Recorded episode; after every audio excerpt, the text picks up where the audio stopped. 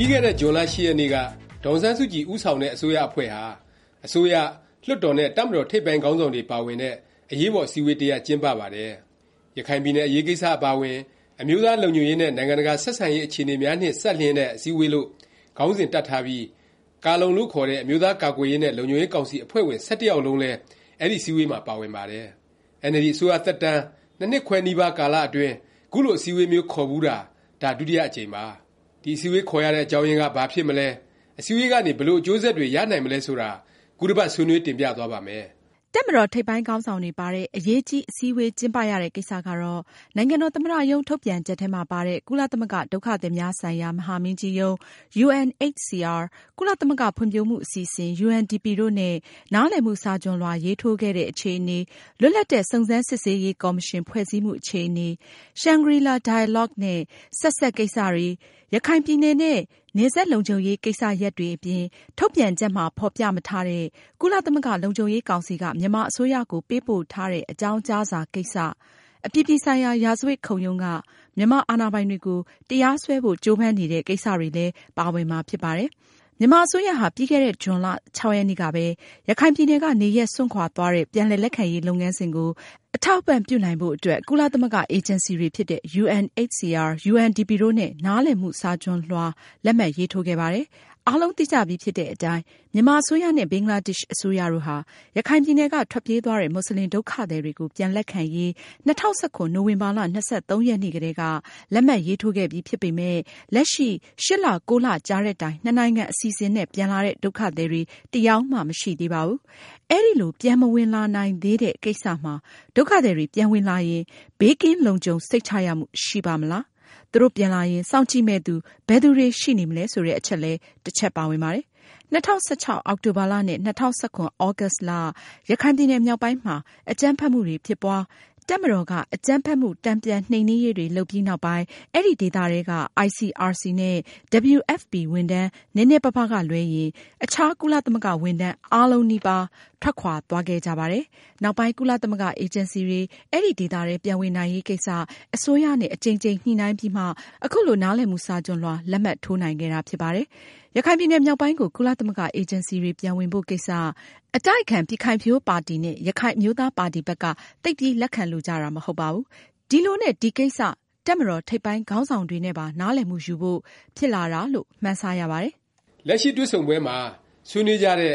နောက် အရေးကြီးကိစ္စ တစ်ခုကတော့ ပြီးခဲ့တဲ့ မေလ ၃၁ ရက်နေ့က ဖွဲ့စည်းမယ်လို့ ကြေငြာခဲ့တဲ့ လွတ်လပ်သော စုံစမ်းစစ်ဆေးရေး ကော်မရှင်နဲ့လည်း ပတ်သက်ပါတယ်။နိုင်ငံတော် သမ္မတရုံး ကြေငြာချက်မှာတော့ ရခိုင်ပြည်နယ်အတွင်း ပြန်လည်သင့်မြတ်ရေး၊တည်ငြိမ်အေးချမ်းရေးနှင့် ဖွံ့ဖြိုးတိုးတက်ရေးတို့ ဆောင်ရွက်ရာတွင်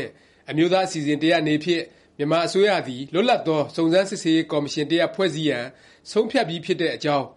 ၊အဲဒီ ကော်မရှင်ဟာ ARSA အကြမ်းဖက် အဖွဲ့ရဲ့ အကြမ်းဖက် တိုက်ခိုက်မှုပြီးတဲ့နောက် လူ့အခွင့်အရေး ချိုးဖေါက်မှုတွေ၊အဲဒါနဲ့ ဆက်နွယ်တဲ့ ကိစ္စတွေကို စုံစမ်းစစ်ဆေးကြမယ်၊ကော်မရှင်မှာ နိုင်ငံတကာ ပုဂ္ဂိုလ်ကြီး တစ်ယောက် အပါအဝင် စုစုပေါင်း အဖွဲ့ဝင် ၃ ယောက် ပါမယ်လို့ ဆိုထားပါတယ်။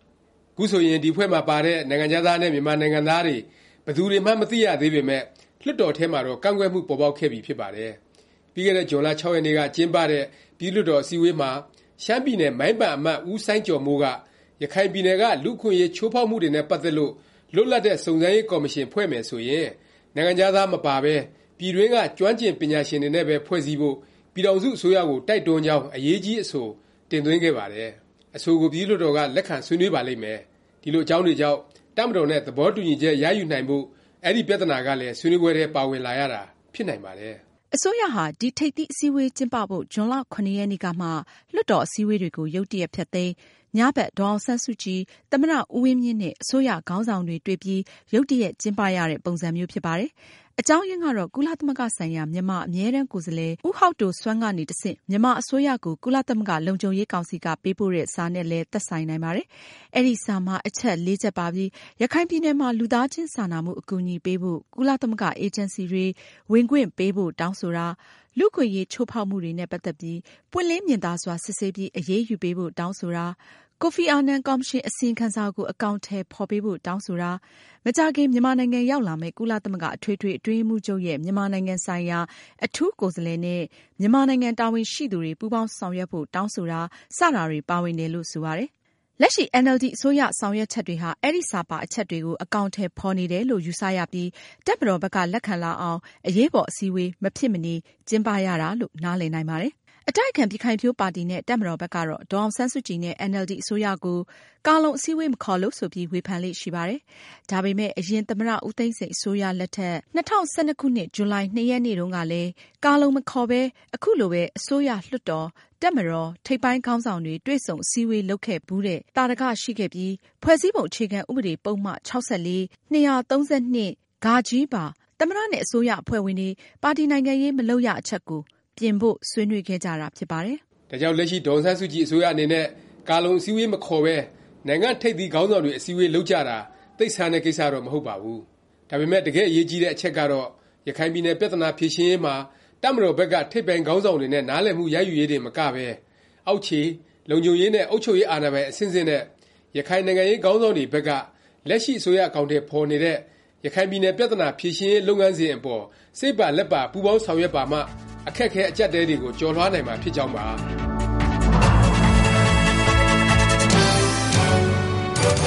။